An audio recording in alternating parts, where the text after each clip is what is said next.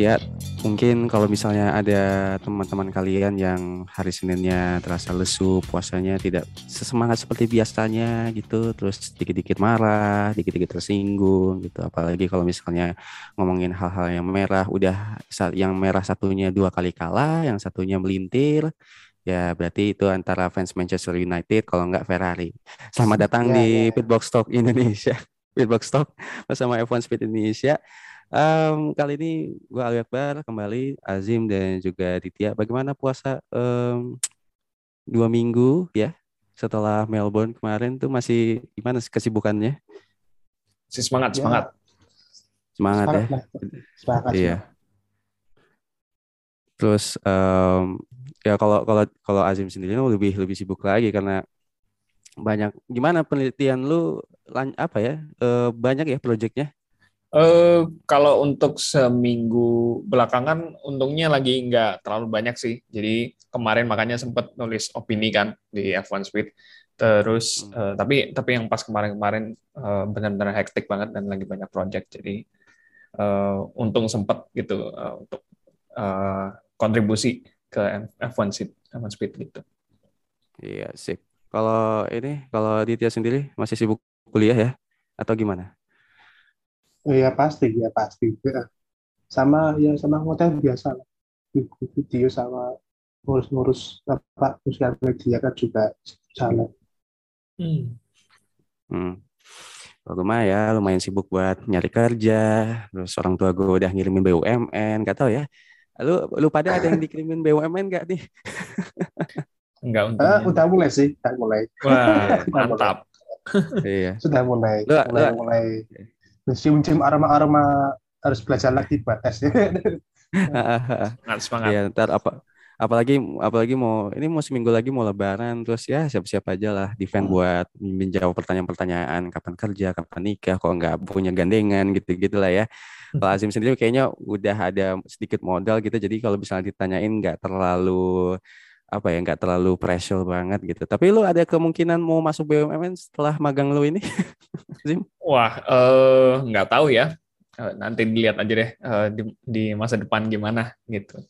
Iya, iya.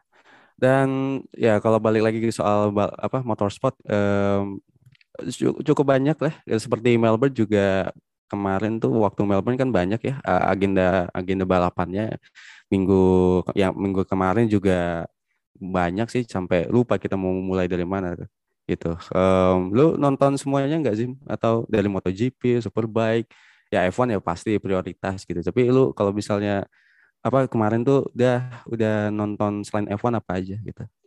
Kemarin kayaknya uh, nggak ngikutin yang banyak sih. Uh, cuman kayak uh, nonton cuplikan sebentar gitu uh, MotoGP. Terus udah habis itu uh, fokus ke F1. Itu pun juga F1 sebenarnya juga lagi nonton di luar gitu uh, karena uh, apa uh, makanya cuman uh, nonton separuh doang habis itu uh, dilanjut lagi di rumah untungnya masih belum hmm. habis gitu. Iya. Ya gue gue gue lihat tuh di story lu cuy. Sangat-sangat ini sekali. Sip. Uh, kalau lu dit mulai uh, mulai apa ya hari di mungkin hari Jumat gitu dengan nonton apa dulu? Kalau ya iPhone pasti prioritas gak usah ditanya gitu. MotoGP atau uh, Superbike jujur aja cuma Ivan sih. Cuma Ivan doang. Ya. ya, susah, emang susah apa, nyari prioritasnya susah sih, ya. Gak apa mau nonton yang lain tuh kayak udah gak ada energi. Capek sih capek. Iya iya. gue apa ya uh, penasaran gitu karena uh, sama sama WRC gitu. Karena kan musim ini nggak dipegang sama Mola lagi. Ya mau nggak mau harus harus nonton kalau yang resminya kan di WRC Plus gitu. Dan gua nggak mau ngeluarin duit lagi. Udah udah cukup pengeluaran duit uh, selama ini gitu. Um, ada yang penasaran sama WRC selama ini dari awal musim ini? Penasaran sih. ngikutin ngikutin sih nggak apa ya mungkin dulu seperti ngikutin kan seperti ngikutin tapi sekarang udah nggak terlalu ngikutin lagi. Karena emang mm -hmm. ya itu. Susah. susah iya susah susah. Mola pun juga sebenarnya agak bersyukur walaupun walaupun di Mola nggak semua stage ditayangin. Nggak gitu. semua stage. Ya dua nah, stage paling, per hari cuma, kalau nggak salah. dua tiga stage per hari. Uh, dua tiga stage per hari seingat gua. Uh, kan aslinya kan lebih dari itu kan. Jadi ada. Ya, uh, gitu-gitu. Dan um, Superbike uh, katanya seru lebih seru daripada nggak tahu ya seru MotoGP. Ya gue gue sempat nonton MotoGP juga lumayan. Um, dari Moto3 karena gue penasaran sama sama Mario aja walaupun sebenarnya ya kemarin ya nggak terlalu ekspektasi banyak lah gitu karena kondisinya kering kemarin kan bisa bisa di grid depan kan ini um, karena hujan kan. Terus hmm. uh, ya dengan posisi yang hasil posisi Mario Aji yang kemarin ya gue juga ya udahlah gitu. Ya it's okay gitu. Apa terus uh, itu nggak apa-apa. Terus juga MotoGP eh, lumayan seru khususnya di uh, papan tengah gitu. Nggak sempat moto tuh karena memang bentrok sama sama F1 tapi katanya memang chaos uh, banyak yang berjatuhan kacau gitu dan sampailah ke F1 di mana sebenarnya kalau untuk balapan sendiri gue setuju yang sama yang di video YouTube kita tuh agak membosankan. Walaupun sebenarnya di pas di akhir lumayan ini sih lumayan greget juga khususnya para tifosi gitu ya. Gitu. Jadi uh, mari kita bahas dari let's say kualifikasi normal reguler. Um, apa yang kalian lihat dari uh, secara umum dari kualifikasi. Mungkin kalau kita bahas dari uh, langsung ke Carlos ya gitu, um, setelah di uh, ditambah di perpanjang kontrak, apakah jadi tekanan tersendiri gitu? Eh uh, kalau tekanan tersendiri untuk kayak deliver gitu ya buat ke timnya, uh, buat ke tim Ferrari gitu. Um, kayaknya menurut gue enggak sih. Itu uh, dia dia karena sebenarnya memang ya itu uh, ada di kondisi luar gitu, emang ada di kondisi uh, yang ada di luar kendalinya dia gitu, uh, cuacanya kayak gimana, kemudian kondisi tracknya kayak gimana. Waktu waktu itu kan uh, kayak uh, kering enggak, tapi basah juga enggak gitu, uh, pas yang kualifikasi terakhir gitu. Um, jadi sebenarnya bukan uh, ada di faktor dia kayak uh, gua harus deliver ini, gua harus deliver. Karena um, per, uh, ada yang mungkin bilang begitu ya kita lihat gimana musim kemarin Ocon setelah perpanjang kontrak malah jadi jelek tapi ternyata bisa dijawab dengan uh, apa kemenangan gitu. Kayak gitu. Jadi uh, memang ada ada faktor di luar kendali uh, Carlos juga gitu dengan cuaca yang memang tidak bisa diprediksi kondisi track yang juga sulit diprediksi juga uh, sulit disesuaikan dengan setup mobilnya uh, maka dia akhirnya uh, harus uh, apa uh, spin merusak mobilnya uh, dan tidak bisa ikut ke Q3 gitu. Iya, dua kali DNF dari Carlos Sainz perlu dikhawatirkan, uh, Dit? Nggak perlu ya, kalau gue ya. Kalau menurut lu? Uh, kalau dari secara apa ya, kan kalau di Australia itu kan memang yang umurnya apa ya, memang di dia kan. Itu kesalahan dia karena memang ya kalau di awal-awal sudah pas banget lah. Terus kalau di mulai itu ya wah kalau di kualifikasi emang emang itu salah dia. Saat, tapi kalau di di apa di balapan sprint itu kan bukan kesalahan dia kan, itu kan disenggol sama Ricardo kan. Hmm. Jadi kalau dilihat apakah bakalan khawatir kan sebenarnya enggak sih seharusnya enggak tapi tapi itu tergantung saya sendiri kan. Si saya sendiri dia bisa bisa apa bisa lebih tenang ketika di mobil atau mungkin bisa apa ya mungkin bisa meminimasi kesalahan dia kan apalagi juga sudah mobilnya sudah apa ya istilahnya sudah di upgrade bakalan bakalan dapat upgrade lagi dia di Miami nanti kan. Itu hmm. itu semua tergantung saya sih tergantung saya sama Ferrari-nya nanti juga gimana. Yang penting sekarang yeah. dia dia apa ya dia lebih atasnya lebih lebih di lagi sih buat atasnya karena dia tahun lalu pun sudah bagus gitu kan. Dia tahun lalu sudah bagus sudah mulai dapat nomor yang bagus itu kan. Tapi tahun ini kok mulai apa ya agak apa belum belum terlalu ngegas lah saya kan belum. Nggak belum terlalu kelihatan kan belum terlalu kelihatan gitu. Hmm. iya iya.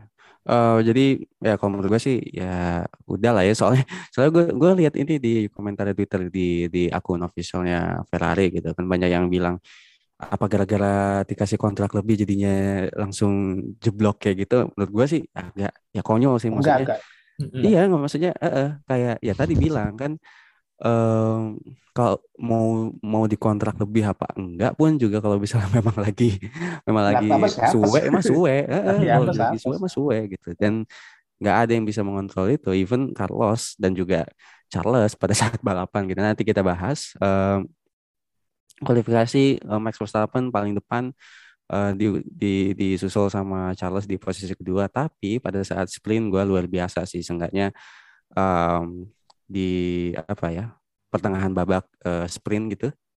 Itu itu start dari awal tuh startnya bagus banget launch launchnya dari dari Charles Leclerc ya Zim ya. Iya benar uh, diuntungkan juga sih uh, kemarin itu uh, di di pas sprint tuh uh, sorry sorry itu yang pas sprint tuh apakah dia basah apa kering ya? Waktu itu lupa. Kering kok kering. Oh, kering nah uh, hmm, karena pakai soft kok.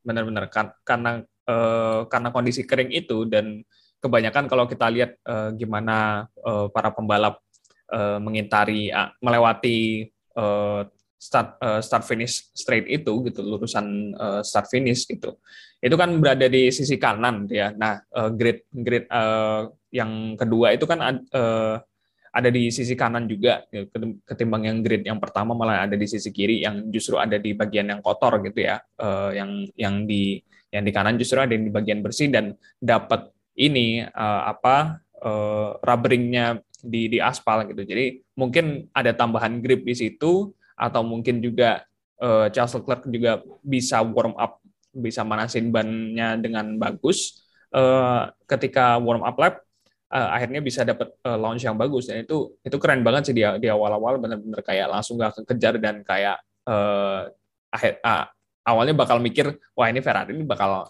uh, bakal nggak kerja nih Leclerc nih gitu. Apalagi dengan yeah. kita ngelihat eh, startnya Sainz yang juga bagus gitu, yang uh, lama-lama pelan-pelan begitu di sprint tuh bisa naik ke posisi 4 gitu. Tapi kemudian hmm. ternyata uh, nanti kita ceritakan.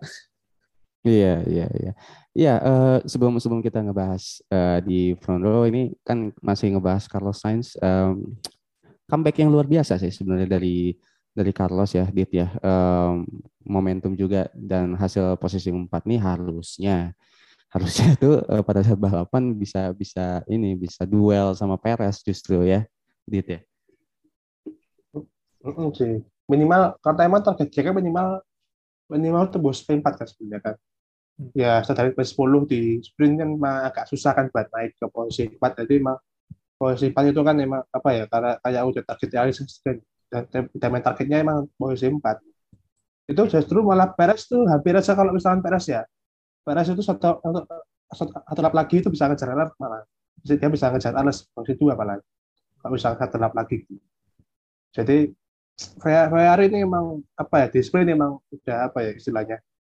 Mereka emang akibatnya nggak ngasih upgrade ya kayak gini kan akhirnya Red Bull bisa ngejar mereka gitu di sprint. Mm -hmm kan tidak yeah, yeah. tahu dari segi, segi ban mereka kan juga agak-agak turun kan dari ban kan hmm. ban kan juga apa namanya tuh grinding ya grinding di ban si Charles di ban, ban kiri depan kan dia mengalami grinding kan akhirnya bisa dikejar Verstappen juga kan di akhir-akhir lomba gitu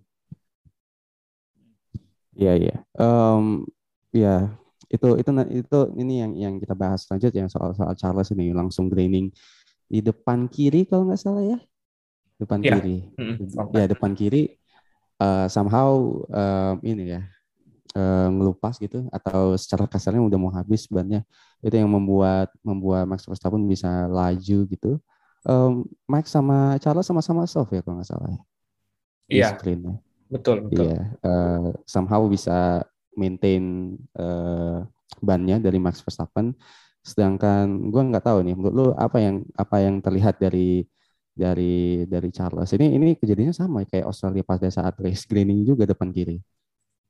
Uh, uh, uh, kayak kayaknya mungkin memang ada di konfigurasi ini ya uh, apa set setup mobil masing-masing itu kenapa bisa uh, apa saat uh, di Ferrari bisa uh, graining lebih cepat dan uh, kayaknya apa ya walaupun dia bisa manasin uh, manasin ban manasin temperatur ban dengan baik tapi ternyata resikonya ada di ada di uh, apa temperatur uh, apa tire wear yang yang makin meningkat gitu.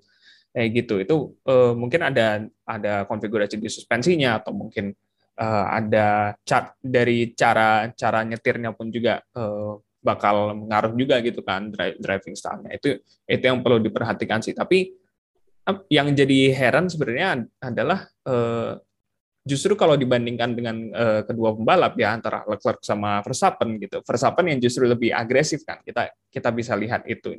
Tapi uh, apa dengan dengan kondisi trek yang seperti itu yang nggak terlalu uh, terlalu panas uh, dan juga apa ya uh, kondisinya pasca hujan atau agak mendung gitu uh, apa bisa dimanfaatkan dengan uh, apa uh, temperatur yang stabil dari Red Bull gitu. Sementara Ferrari uh, malah ke, kebingungan sendiri ini untuk uh, gimana caranya menjaga uh, temperatur ban uh, dengan stabil dan uh, tidak menghabiskan ban terlalu banyak gitu. Itu uh, yang perlu di, diselidiki itu.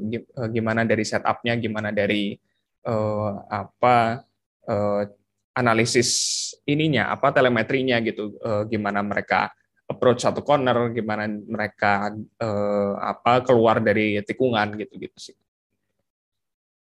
Ya, um, ini berarti apa ya? Ya secara kalau misalnya dari sisi Max Verstappen atau secara umum Red Bull gitu ya. Hmm. Um, respon mesin sejak uh, Melbourne ini bisa dibilang ya bagus atau gimana nih? Karena karena kan kayak kayak uh, kemarin di Bahrain nggak ini kan nggak ya nggak jelas nih mesinnya kan tiba-tiba mogok gitu kan. Hmm. terus uh, fuel pumpnya terus di di uh, di Jeddah bagus nih. Oh kayak kayaknya kita uh, ini nih Red Bull yang sebenarnya yang harusnya kita lihat gitu. Terus tapi tapi pada saat pada saat di Melbourne ya kambuh lagi gitu. Terus pada saat ini uh, yang kemarin di di Imola justru uh, bagus banget malah gitu kan lebih bagus hmm. daripada yang menang di Jeddah gitu kalau menurut gua gitu ini uh, agak ini apa ya kita ngejudge-nya gimana nih apakah harusnya bisa uh, dibilang uh, Red Bull Powertrains uh, kolaborasi dengan Honda ini benar-benar bisa sustain sampai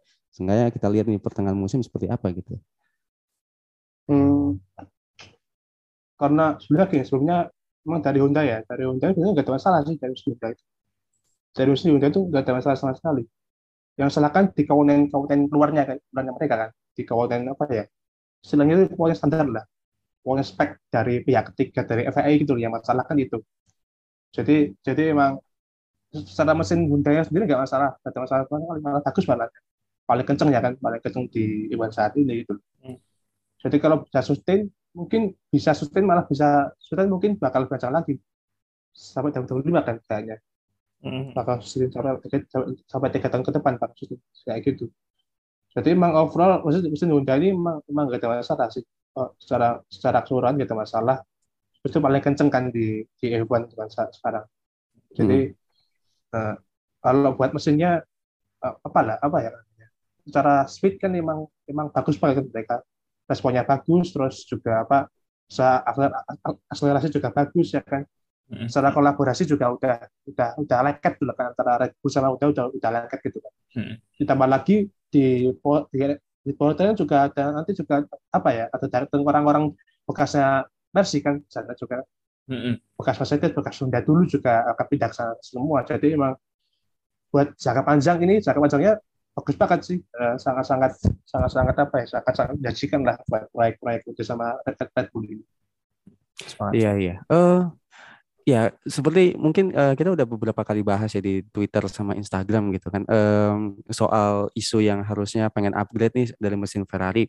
Kalau menurut gue sendiri sih uh, pernah gue bicara ini di platform lain gitu. Menurut gue ya kalau misalnya uh, Ferrari langsung upgrade mesin ke, di Imola nggak nggak nggak jadi masalah gue nggak kaget gitu. Tapi agak kecepatan nggak sih gitu? Dan uh, mereka kan terbukti ya Zim ya uh, sama dia ya uh, bahwa mereka nggak upgrade mesin gitu. Apakah kalau menurut gue ya kalau menurut gue lihat Ferrari ini lebih kepada uh, SWOT-nya sih, lihat SWOT-nya dulu nih di Mola gimana dulu nih, lihat SWOT-nya ke diri mereka sendiri sama uh, Max Verstappen karena ya pasti mereka melakukan perbaikan, upgrade mesin gitu karena uh, permasalahan reliabilitas gitu. Apakah wajar menurut lu Zim uh, untuk untuk holding uh, upgrade mesin dulu sih? Kalau gua sih wajar. Mungkin kalau Azim punya pendapat lain? Uh, ini upgrade mesin uh, di Honda apa di Ferrari nih?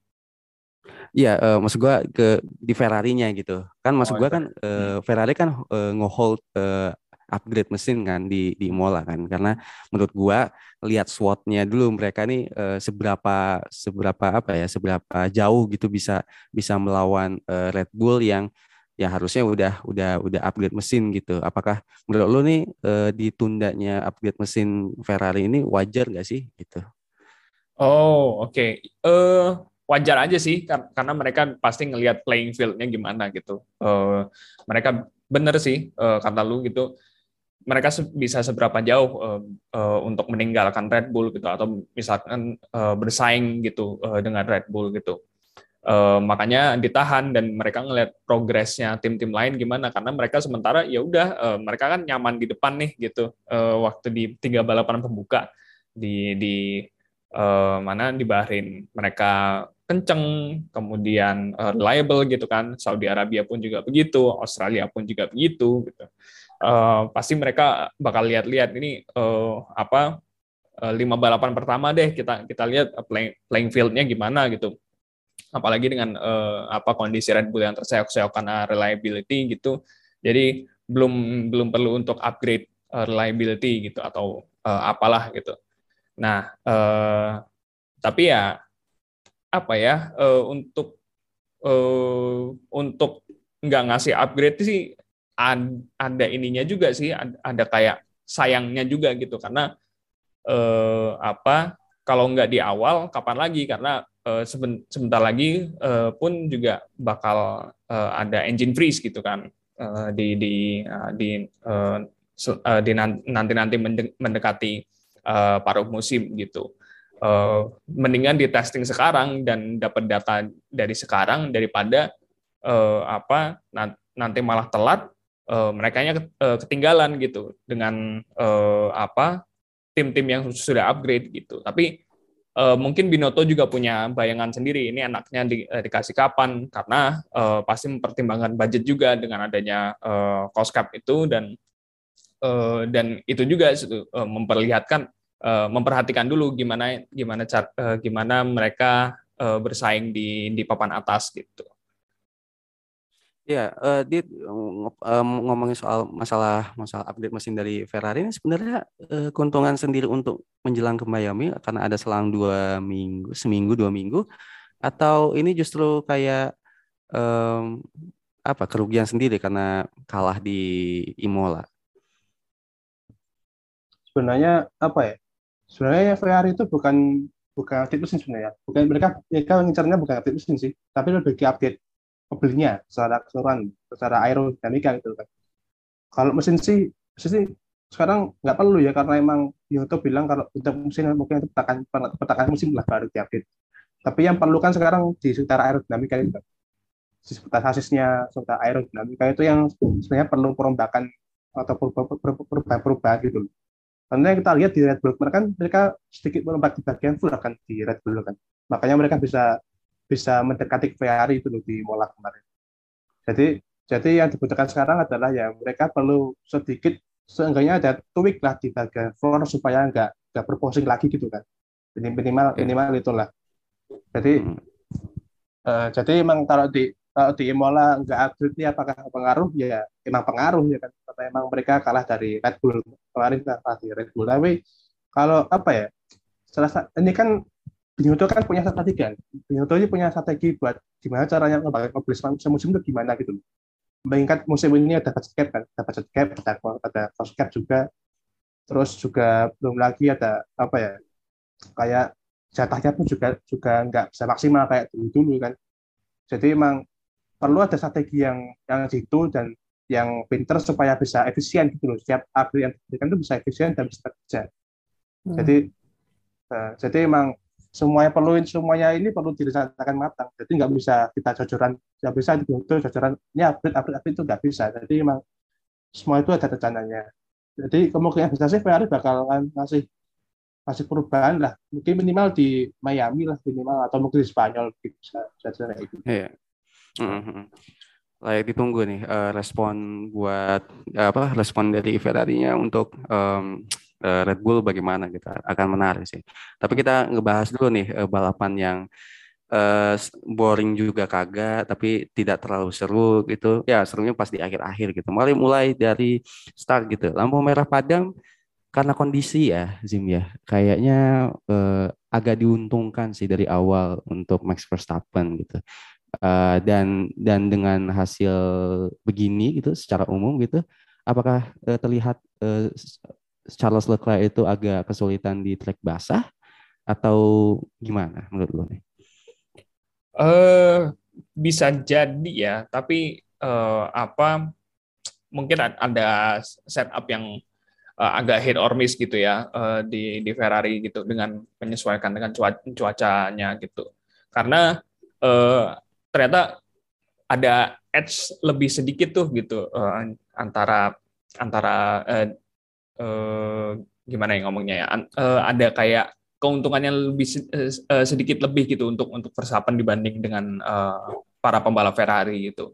Karena uh, dia, dia di data FP1 punya punya dat, data yang bagus untuk uh, me, apa melewati kondisi basah.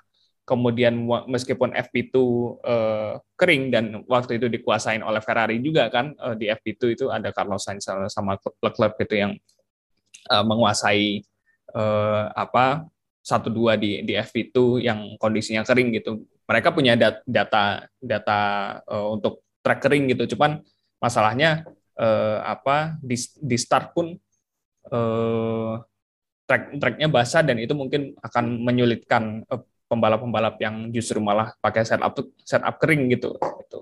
Uh, jadi jadi mungkin itu yang jadi faktor uh, kenapa Ferrari ag agak terseok-seok di awal gitu. Uh, uh, di di start di start balapan dan kita lihat gimana uh, Leclerc struggling dengan grip uh, harus disalip oleh uh, Perez uh, yang akhirnya jadi Red Bull 1-2 uh, sepanjang balapan. Um, kemudian juga uh, dapat ancaman dari Norris um, dan sempat disalip juga ya sama sama Norris ya. Uh, apa hmm di awal itu dan gimana kita lihat juga Sainz juga struggling dengan dengan grip yang akhirnya malah uh, dia melebar di uh, Tamburello pertama kemudian begitu kedua malah uh, kena oleh Ricardo uh, jadi uh, akhirnya harus DNF di lap pertama. Iya iya. Ngomongin soal uh, apesnya jilid kedua dari Carlos Sainz uh, sebenarnya nggak ada apa-apa yang nggak perlu ada yang disalahin gitu. Um, banyak yang mencela um, Ricciardo pun menurut gue Ricciardo ya mau gimana lagi kan posisi gue di situ ya Dit ya? Iya ini apa sebenarnya kalau bicara salah siapa sebenarnya itu memang emang di kesalahan Ricciardo sebenarnya kan. Karena emang itu tikungannya tikungan sains kan karena posisinya ada di depan tangga gitu kan sudah di depan Ricciardo itu berarti emang kewajiban buat beri ruang itu ya dari Ricciardo gitu kan tapi emang kondisinya restart, sedikit basah, terus tikungan pertama yang cukup sempit buat dua mobil ya, ya emang itu bisa dibilang ya insiden biasa lah, insiden insiden masing insiden biasa gitu kan. Tapi ya emang murni apa saja ya kan murni apa sebagai fans gitu. Ya, hmm. tapi emang ya apa ya nasib-nasib kayak gini harusnya bisa kayak bisa dibilang apa ya kayak kurang ideal lah buat sains ya kan dia baru pasang kontrak momentumnya lagi dapat banget terus setelah spindes gitu kan terus tahu-tahu ya DNF lagi gitu kan jadi di buat saya sih ya sudah kurang ideal Apal apalagi buat Ferrari kan dia kehilangan poin banyak di kemarin kan dari Carlos yang base posisi 6 terus dia DNF jadi emang ini lumayan berat lah buat Ferrari ya kan? Istilah beratnya apa ya? Bukan berat oh gimana berat? Kayak apa ya? Kayak mereka bisa bisa dapat sesuatu yang lebih tapi nggak bisa gitu. Di Imola mm-hmm. kemarin gara-gara size DF juga.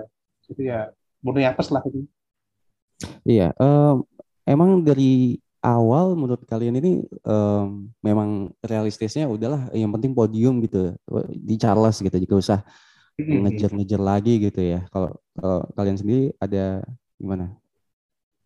Memang apa ya? Paling realistis ya podium sih. Minimal podium podium hmm. kedua atau ketiga. Tapi kalau dilihat kemarin kan emang kita ya dia dia udah kalah kenceng lah dari Perez ya kan. Apalagi Mas Tapan gitu. dari proses saja nggak bisa ngejar kan kemarin. Di urusan aja nggak bisa ngejar dia kan. Artinya bahkan ya, pada saat di RS udah nggak bisa ngejar kan. juga kalah, ya. kalah dari Red Bull gitu. Jadi emang paling realistis sih poin tiga aja gitu loh. Yang penting yang penting kan poin gitu loh. Yang penting poin nggak terlalu hilang jauh dari Verstappen gitu kan. Yang penting gitu.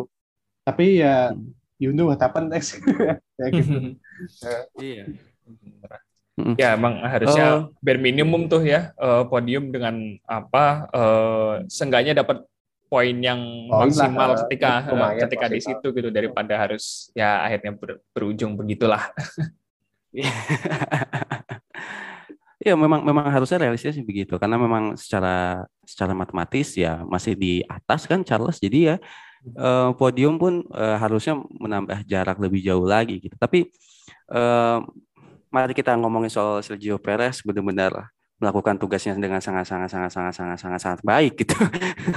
Terus um, si apa namanya waktu waktu balapan kan uh, dia mention kalau um, ini kayaknya strategi dari Sergio Perez pada saat uh, start finish lane gitu kan uh, menc mencoba untuk didekatkan dulu sama Charles habis itu Iya, habis itu digas lagi dan posisinya posisi nanggung, defend nanggung gitu oh. yang dan secara lu lebar trek kan tidak terlalu lebar ya. Ini, ini ah. kan uh, tapi nggak terlalu sempit sih, uh, tidak terlalu sempit juga gitu. Jadi um, iya kayaknya gue melihat hal tersebut sih nggak tahu ya mungkin harusnya kita tanya ke Sergio Perez ya Dit ya.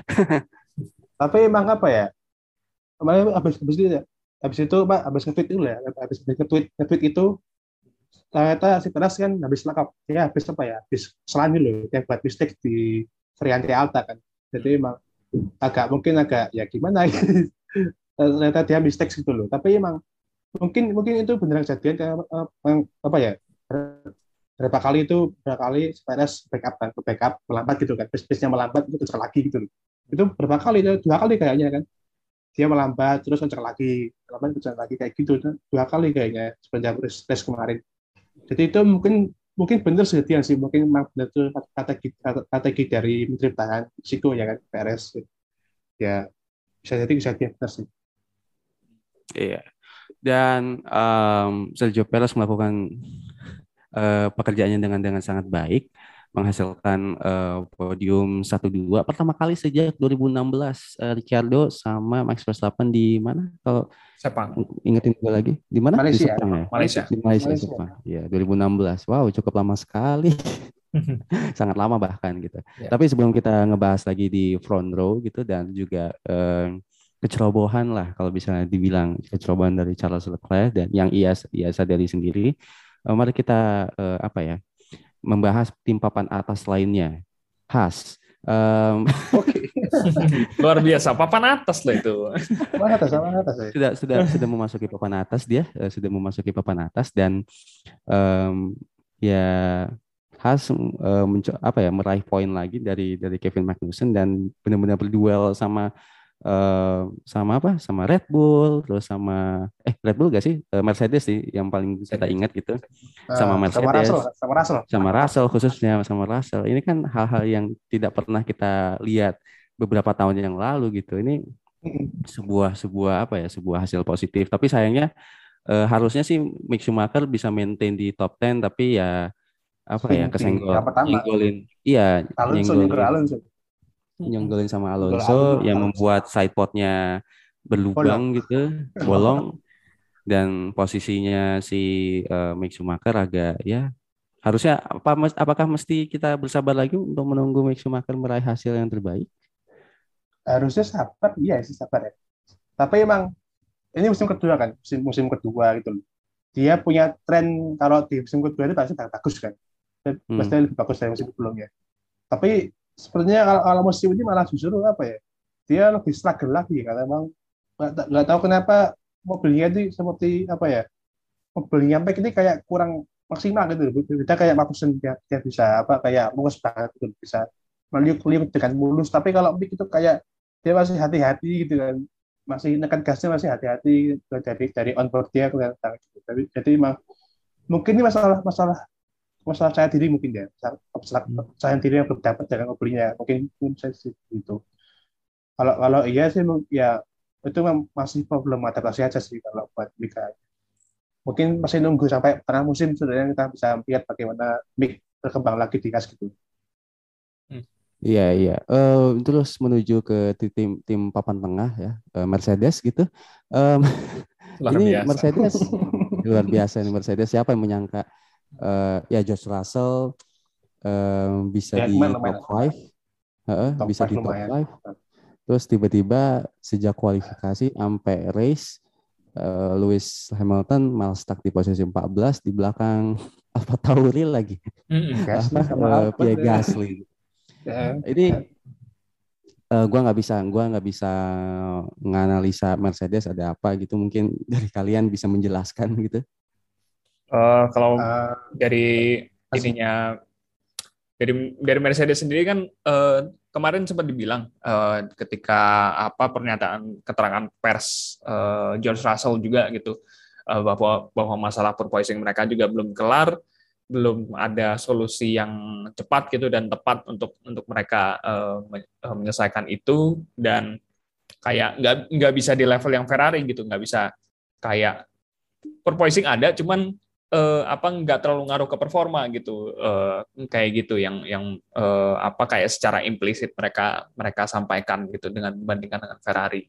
Uh, apalagi dengan dengan straight line speed mereka dan pasti ada kaitannya juga dengan uh, mesin mereka. Kenapa tiba-tiba kayak kurang banget di, di musim ini juga uh, perlu perlu apa ya perlu dipertanyakan juga gitu. Uh, padahal uh, untuk yang uh, upgrade performance gitu engine freeze-nya juga uh, juga baru satu Maret belum uh, sementara di awal musim itu pun juga masih bisa sebenarnya untuk deliver upgrade tapi entahlah apa apa yang terjadi waktu uh, waktu itu. Um, tapi uh, masih mereka masih kayak apa ya belum belum belum nemu gambaran yang jelas gitu loh permasalahannya ada di mana kayak masih meraba-raba ini sebenarnya uh, apa apa yang bermasalah apa yang apa yang harusnya jadi solusi dan uh, pendekatan apa yang harus di, di apa di, dilakukan oleh oleh pem, baik pembalap maupun tim gitu. Kayak gitu. Dan George Russell pun juga sempat komplain dengan dengan perpoisingnya yang sampai bikin dia uh, kesulitan bernafas gitu. Uh, di di beberapa lap terakhir gitu. Uh, sempat sempat dibilang kalau nggak salah uh, kemarin Nah, itu mungkin juga berefek ke Lewis Hamilton juga gitu yang akhirnya kurang kurang nyaman dengan kondisi mobilnya dan dia bilang bahwa ya ini uh, apa uh, situasinya justru lebih buruk dari 2009 gitu uh, ketika dia uh, ketika ada perubahan regulasi kan waktu itu uh, dan mobilnya McLaren pun juga mediocre gitu. Walaupun ya memang memang dia sempat uh, apa mencetak podium dan kemenangan gitu. Sementara uh, sekarang uh, yang yang uh, apa dia dia nggak bisa mencetak kemenangan sama sekali dan uh, kayaknya makin makin menipis gitu uh, kemungkinan untuk apa bisa bisa menang gitu. Podium pun juga untung-untungan gitu kan karena kita lihat gimana di Bahrain kemarin gimana kemudian di uh, Australia gimana gitu untung-untungan gitu, hoki-hokian. Uh, jadi masih uh, masih punya, belum punya gambaran jelas gitu masih meraba-raba ini uh, masalahnya di mana Ya, uh, ngomongin ya masih ngomongin Mercedes berarti Dit uh, menurut lu apakah Russell membuktikan kapabilitas dia sebagai pembalap Mercedes gitu karena uh, pengalamannya di mobil ya mobil Williams yang terlalu bagus itu terus tiba-tiba langsung ke mobil Mercedes ya dia punya pengalaman itu untuk seenggaknya memikirkan uh, solusinya gitu ya. Uh, ya, ya, uh, ya apa pengalaman dari Williams kan begini, dia di Williams itu terbiasa buat maksimalin mobilnya apa adanya ya. Mobilnya mobilnya apa adanya, mobilnya nggak kenceng, ya dia maksimalin ya kan, akhirnya dia bisa bawa ke top 10 beberapa kali di tahun lalu kan. Pengalaman itu berguna buat dia sekarang ini di Mercedes ya. Mobilnya nggak begitu kenceng, nggak begitu kompetitif, tapi dia tahu gimana cara maksimalin mobilnya gitu, gimana caranya ya kan. Hmm. Ya dia belajar itu dari Williams kan dia bisa baca dari Williams dia maksimalin semuanya. Pokoknya semuanya detail-detail kecil tuh dia dia manfaatkan semua kan di mobilnya di mobilnya itu. Jadi emang pengalamannya itu berguna banget buat sekarang di Mercedes.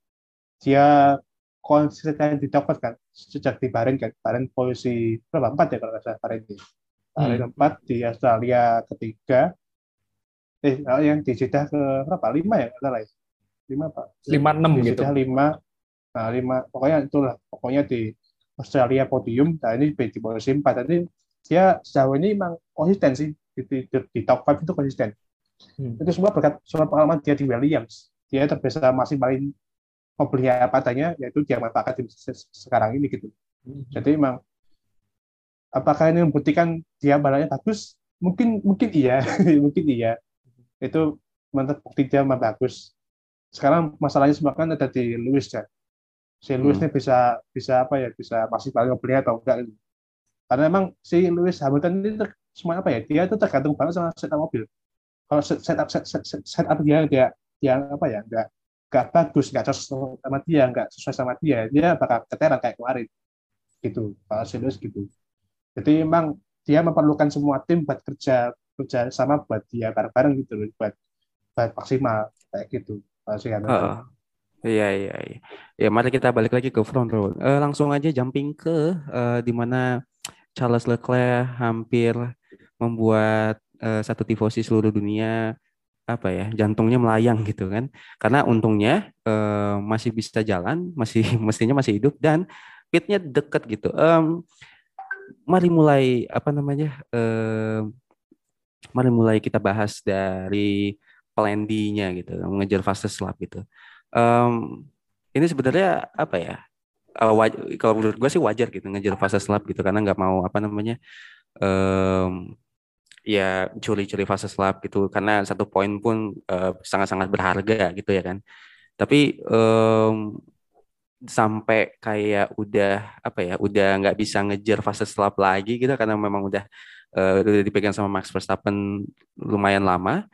Um, jadinya sampai terburu-buru gitu dan dan diakui sama Charles juga benar-benar uh, kesalahan dia gitu. sampai terlalu dalam gitu di gua baca di apa namanya nama itunya nama uh, variante alta ya Zim ya variante alta betul iya hmm, gimana menurut uh, dari POV lu?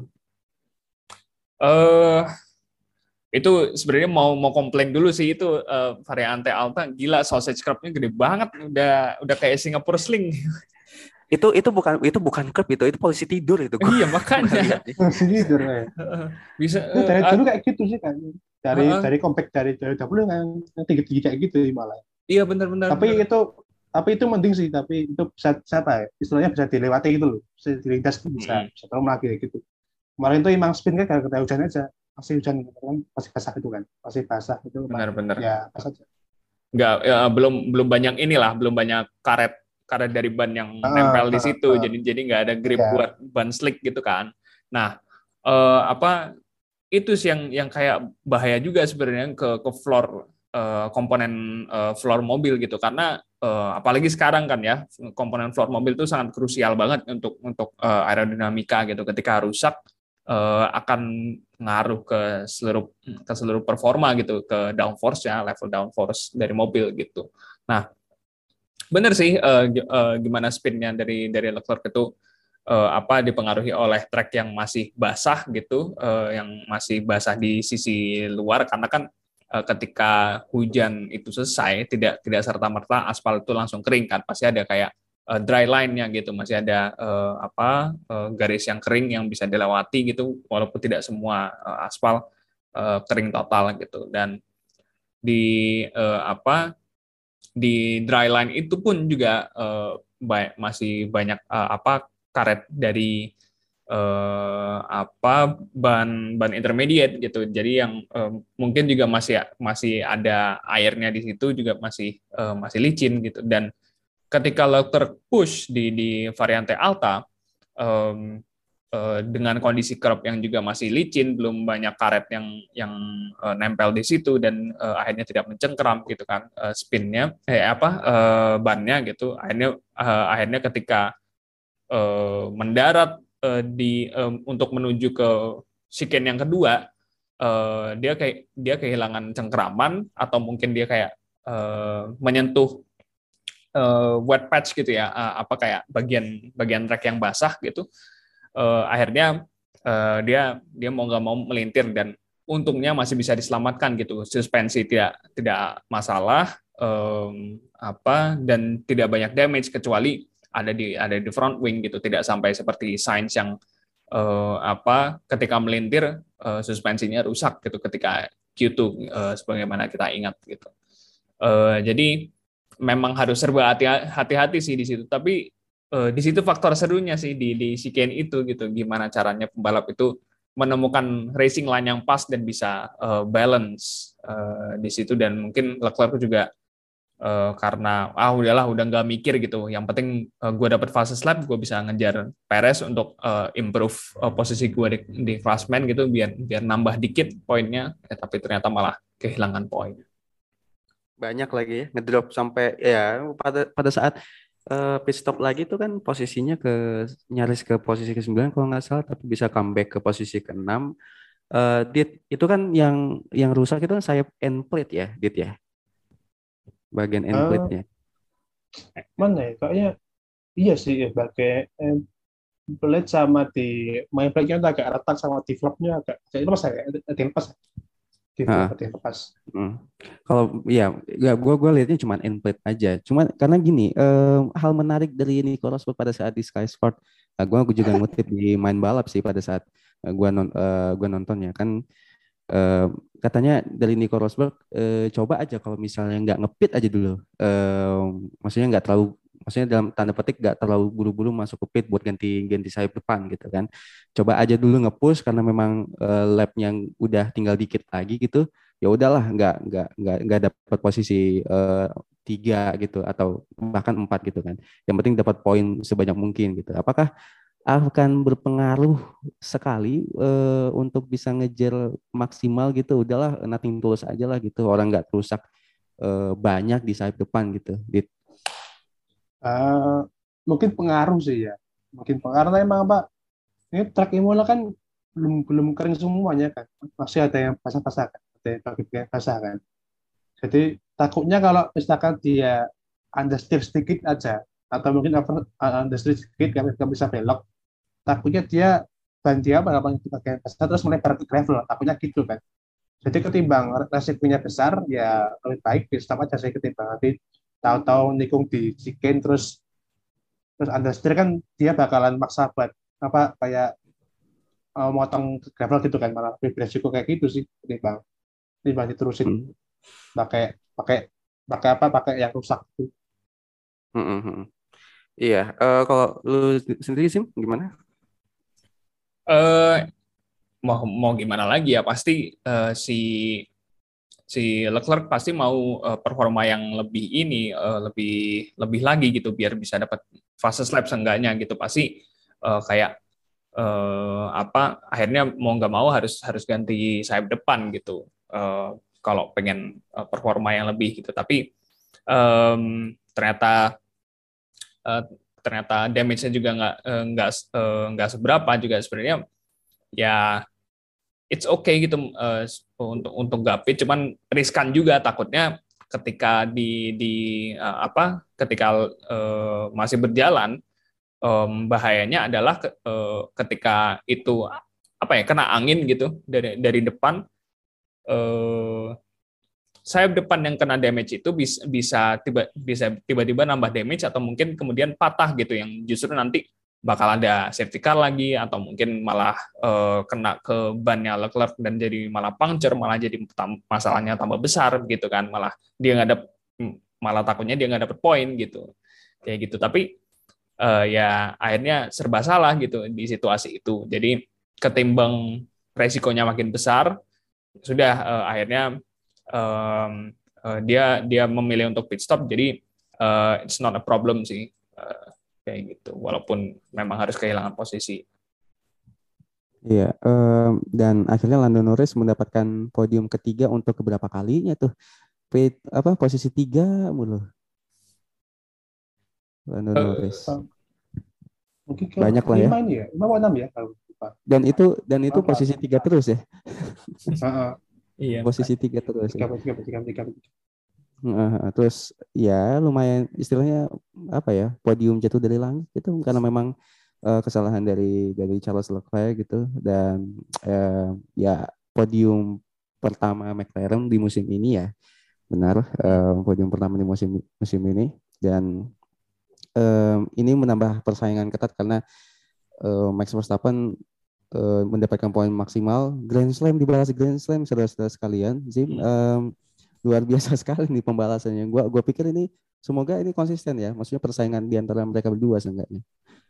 Betul betul. Ya, semoga konsisten karena ini pasti hiburan buat seluruh penggemar gitu, uh, seluruh fans dan uh, apa ya kalau misalkan hanya uh, cuman satu pembalap yang dominan kan pasti ini ya uh, apa membosankan. Kita nggak mau lagi ulangan 2014 sampai 2020 gitu kan. Kita ngelihat uh, pemenang yang sama dengan mobil yang sama kita pasti pengen ada faktor unpredictability gitu uh, tiap tiap balapan gitu. Jadi uh, kita pengen Ferrari belajar dari sini uh, Leclerc belajar dari sini juga biar bisa konsisten juga uh, dengan Verstappen dan uh, Red Bull yang juga sama-sama konsisten. Jadi bisa apa tambah lagi balapan wheel to wheel dan juga uh, salib menyalipnya. Ya dengan selisih 27 poin udah nggak deket lagi nih Dit ya selisihnya apalagi konstruktor tinggal cuman belasan poin kalau nggak salah. Hmm. Hmm. Karena ya emang apa ya posisi 6 itu banding bandingan sama Verstappen yang maksimal kan hmm. itu emang jauh banget jauh banget sih jaraknya walaupun sih Mas kan dia menang sprint menang balapan pas lap itu kan komplit semua kan sempurna buat Verstappen jadi hmm. jadi emang ini kayak membayar semua semua nasib apesnya di Australia kemarin kan si Max ini kan dia hmm. dia membalas semua itu dengan tabel sempurna bahkan lebih sempurna lagi di bang di bang Charles di Australia kemarin kan hmm. jadi jadi memang ya yang sekarang ini yang perlu dilakukan Ferrari ya pokoknya tenang kan tenang jangan panik ya pokoknya evaluasi ya semuanya dievaluasi dari apa yang salah terus gimana caranya biar biar ngeluarin upgrade upgrade-nya nanti bisa jalan lancar gitu loh nantinya biar bisa kerja di track gitu kan hmm. jadi yang penting itu sih yang penting yang penting jangan jangan terlalu sujuran lah ya. Santai-santai aja. Pokoknya sesuai planning lah. Sesuai planning awalnya awalnya gimana sesuai, sesuai itu aja. Memang ini udah bagus gak apa ya cara mereka jalani musim ini udah bagus kan. Dari cara secara, cara planning udah bagus. Tinggal tinggal eksekusinya aja ya dipikirkan itu aja. Hmm. Iya. Oh, um, semakin seru aja nih uh, untuk seenggaknya sampai seri sekarang ini kan. Jadi gua ya kita semua makin penasaran sama musim ini gimana gitu. Uh, dua minggu lagi di Miami abis Lebaran kita ya ngalong lagi, saudara lagi. Jam setengah tiga ya Allah. setengah tiga subuh jam setengah tiga iya. Iya. Itu kualifikasi jam lima kayaknya ya. Kualifikasi jam lima kan? Kualifikasi jam lima eh, itu kan abis Lebaran ya? Benar-benar abis Lebaran uh, kalau misalnya suasana puasa is oke okay ya? Iya kalau puasa masih malah enak malah enak malah enak malah enak, setelah sahur FP1 ah, ya jam satu, FP2 jam satu juga, FP3 ya jam 2, terus uh, kualifikasi jam rada subuh lah, habis subuh itu agak jam setengah lima, balapannya jam setengah tiga, ya Allah. ya kuat-kuatkan saja lah kita semua sebagai penggemar gitu, kalau bisa nonton mah nonton gitu. Uh, tapi uh, Miami nih, bahas singkat soal Miami. Ekspektasi soal track ini atau mungkin ada info progres terbaru apa dit? Soal soal track Miami? Progres kemarin kan sebenarnya dibangun semacam pelabuhan apa buatan kan? Oh, kan iya, itu. pelabuhan gitu ada kapal-kapalnya gitu kan. Iya gimmick uh, banget tuh ya. Terus terus uh, terus itu disindir sama netizen kayak kayak kayak ini loh Monaco itu asli kayak gitu loh di, di, lewat kebar Monaco gitu kan. Kayak itu kan emang mereka nggak tahu ya maksudnya gimana tapi emang eh, ya ya unik kan gitu ada ada semacam pelabuhan buatan gitu kan setiap kapal-kapal ya jadi, jadi kayak kayak lucu aja nanti gitu tapi memang secara secara sirkuit kan ya apa ya kayak ini semacam fast track ya fast speed gitu kayak hmm. cepat gitu jadi emang semoga saja seru lah minimal emang kayak jeda lah ya kayak jeda lah hmm. gitu. hmm. iya um, ini uh, lu mengharapkan apa atau lu punya ekspektasi tersendiri sama Miami ah nggak uh, nggak ada ekspektasi sih sebenarnya. Uh, cuman kayak ya moga-moga aja uh, apa nggak uh, terlalu banyak dibantu di RS lah. Uh, balapannya jadi tiap tiap tiap tikungan itu uh, me, apa makin bisa mendekatkan pembalap gitu. Uh, antar antara satu mobil dengan mobil lainnya gitu bisa tetap dekat tidak terlalu jauh dan uh, masih masih bisa uh, ada ruang overtake gitu yang yang banyak gitu deh. Iya, jadi um, dua minggu lagi ke Miami, ya siapkan um, perbekalan kalian semua ya dari hmm. kopi, snack, dan cemilan. makanan lainnya gitu. Ya cemilan gitu. Kalau ada nasi padang boleh nasi padang Buset. nonton. gitu. Pagi buta nasi padang. ya kan bisa kan misalnya kan ya. uh, apa namanya? Iya Indomie. Misalnya beli nasi padangnya pas malam kan, mana tahu betul, buat betul. stok pas begadang. Tapi ya nggak tahu ya siapa orang geblek mana yang beli nasi padang iya, begadang. Mungkin mungkin gua kali ya, mungkin gua. Nah, uh, ya uh, penasaran tapi kenapa harus Miami gitu jam segitu lagi. Gua gue pikir awalnya itu uh, apa ya balapan malam hari tapi ya uh, siang hari ya siang, siang hari sore sore siang hari ya mungkin harus nunggu Las Vegas biar greget gitu nonton nonton hari Minggu pas uh, pagi jam 10 ke atas gitu. Yaudah itu aja. Uh, terima kasih buat Azi, buat Ditya dan juga para speeders yang masih mendengarkan sampai episode sekarang. Ikutin terus di Pitbox Talk in Pitbox Talk uh, bersama F1 Speed Indonesia di Spotify. Hey, uh, kita belum mengkonfirmasi bahwa kita uh, podcast kita sudah ada di Noise. Lupa kita. Oh iya benar. Oh iya ya. Lupa. Uh, uh, mestinya mestinya kita konfirmasi. Nah, kita konfirmasi di thumbnail ya. Iya. Nanti uh, tahu thumbnail di sedikit. Hmm. Lupa kemarin nggak nggak ngecek apa. Iya, Lupa. mungkin uh, harusnya harusnya ini konfirmasi uh, konfirmasi di Twitter sama Instagram juga pada biar uh. pada aware kan. Hmm. Biar Lupa pada notice gitu. Iya. Kita juga ada di Noise. Jadi Uh, mungkin kalau misalnya Spotify uh, kurang berekspresi karena nggak ada kolom komentarnya, ada juga di Noise karena ada kolom komentarnya. Silahkan didengarkan dari situ. Lumayan banyak, banyak platform sekarang. Dan jangan lupa seperti biasa di YouTube, di Instagram, dan juga Twitter F1 Speed Indonesia akan selalu memberikan Anda info-info terkini dan paling aktual dan paling uh, terperinci. Wah, enggak lah. dan, dan juga ya, dan juga paling ngejinx. Nah, di situ semua. Oke. Okay. Mantap. itu aja. Ya, itu aja eh, kami bertiga bersama gue Ali Akbar. Terima kasih banyak sekali lagi. Sampai jumpa di Miami. Assalamualaikum warahmatullahi wabarakatuh.